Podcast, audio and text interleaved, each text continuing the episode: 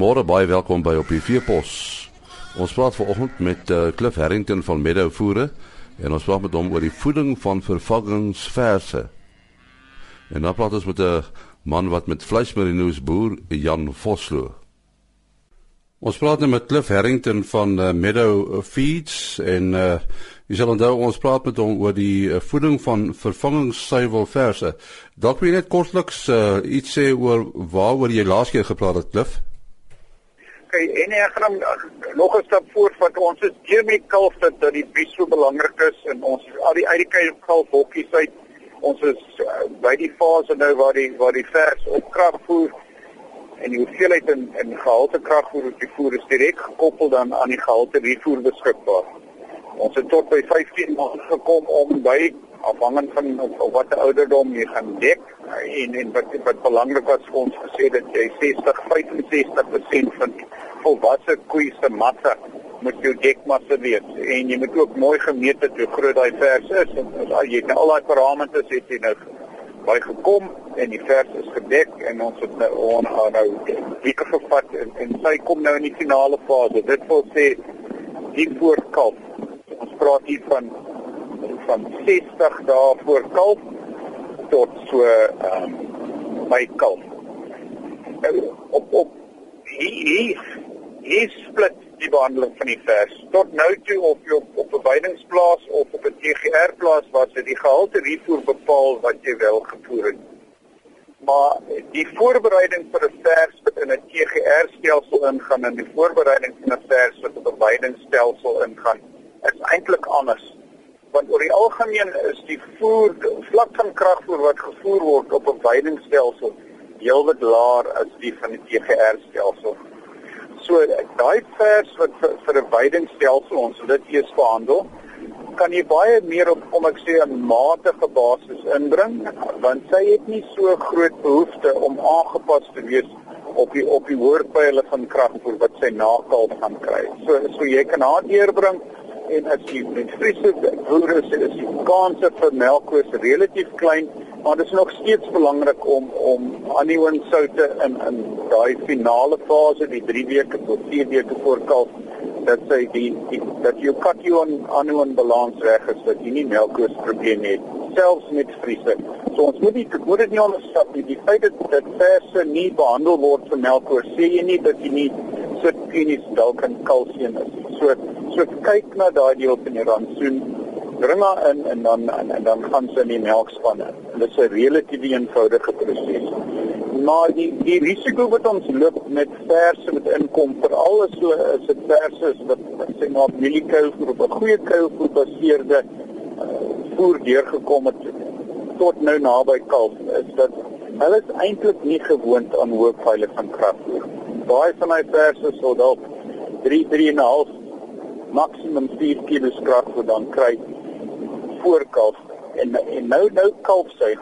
Dan kom sy skielik in op 'n kragvoerpyl wat wat moontlik 12, 13, 14 kg kragvoer binne TGR wel deel is. So die styfelinname gaan gaan gaan dramaties op.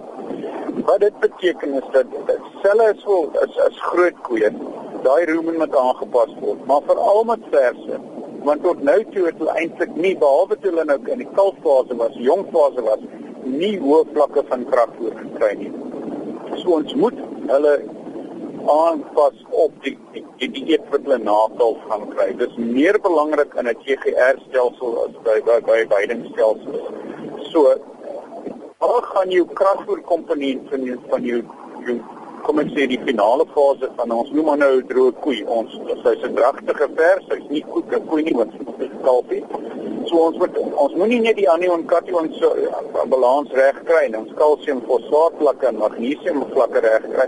Ons moet net seker maak dit aangepas stel op stelsel. En en die maklikste en die beste is om eintlik EGR wat jy na kalf gaan gebruik dat jy 10 dae twee weke voor kos dat jy verseker dat jy nog steeds jou anion cation soude in het, maar die daai dier klaar begin gewoond maak aan die TGR wat sy nakalf gaan kry. As jy dit doen, kom sy in en jy het nie gewoonlike probleme met die met met metaboliese pyn wat jy baie keer optel en sê weer eens die feit dat jy nie diere behandel sê nie dat hulle nie siekklinies is vir vir 'n melk koors tipe uh, situasie en ook 'n keekloos tipe situasie.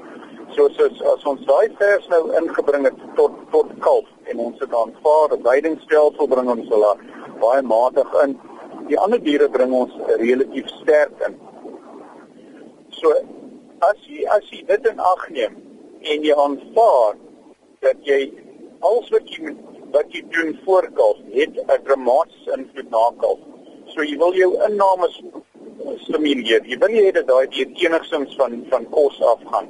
So dis die die blootstelling aan die stal, sy moes klaar, sy moet klaar deur die stal 'n paar keer gegaan het, sy gewoond is aan die hele melkproses. Wanneer 'n gestreste dier vreet nie as hy klaar gemelk is nie. En as jy daai stappe volg en jy het al jou maatstawwe reg deurgevolg en en as jy dink dat vers groot maak 'n goed proses is, is dit nie. Die verkeerste plek om geld te spaar is eintlik om jou om jou vers groot maak program. Want dit is waar jy toekoms lê. So om om 100, 200, 300 rand in jou vers groot maak program te spaar bloot omdat dit nie nie produktiewe diere is, is van die swakste of die domste finansiële besluite wat jy kan neem. En en dit is net tot 'n groot mate die proses van van vers groot maak. Dit is 'n relatief eenvoudige resep wat jy wat jy net moet toepas en jy moet by daai verse uitkom. Die die, die bestuur van daai verse is net so krities as die produserende diere. Ek uh, klop as mense vra het jou telefoonnommer? 082 07 98 361 Ons sê baie dankie aan Cliff Harrington van Meadow Feeds. Ons gesels nou met Jan Vosto, hy is die bestuurder van SA Vleismerino. Uh dit is nou 'n uh, interessante ras. Vertel ons 'n bietjie meer van die ras, Jan. Vleismerino is 'n dubbeldoel ras. Uh met die klem op vleisproduksie en uh die ras gee 'n groot wolbonus soos wat ons nou sê. Uh maar die die uh, uitstekende eienskappe van die ras is maar rondom vleisproduksie. Uh goeie reproduksie, aanteel tempo en lammers wat goed groei en gesog is uh in voerkrale. Hoe het die ras ontstaan? Oor die vleismerino is uh 'n uh, ras wat oorspronklik ingevoer is uit Duitsland, bekend gestaan het as die Duitse vleismerino in 1932 het die departement van landbou na Elsenburg proefplaas toe uh die eerste oeye in ram ingevoer en daarna het ba baie privaat invoere gevolg en as die die ras tot in 1960s was daar nog heelwat invoere vanaf Duitsland waarna dit toe gestop het weens uh uh protokol skrypie was dit nie meer moontlik nie en toe is die ras maar binnelands geselekteer en almal is eens dat die veral die wol het geweldig verbeter oor die afgelope paar dekades en vandag is die vleismerino met reg 'n dubbeldoel ras wat 'n uh, goeie kwaliteit wol produseer uh sonder enige besoedeling kemp en kleur en dan nou uitstaande karkasse. So, so daar word gekonsentreer op op die vleisproduksie en die wolproduksie. Dis reg. Uh vleisproduksie is nou waar die klem lê die ras se sterkpunt, maar deesdae uh is die wolprys geweldig goed. Uh hoeveel uh merino vleismerino boere is daar? Ons het so deur die land versprei uh, in die omgewing van 180 stoetboere wat ramteelers is. Uh en hulle is versprei in al die provinsies, maar die grootste konsentrasies is in die in die Vrystaat en uh, in die Wes-Kaap en dan in Noordwes en Mpumalanga areas. Welkom reg deur die sentrale dele van die Karoo ensovoorts. As hulle oral in Natal is daar uh, teelers. En, en die gehalte van van die SA vleismerino se wol, is dit net so goed soos die gewone merino?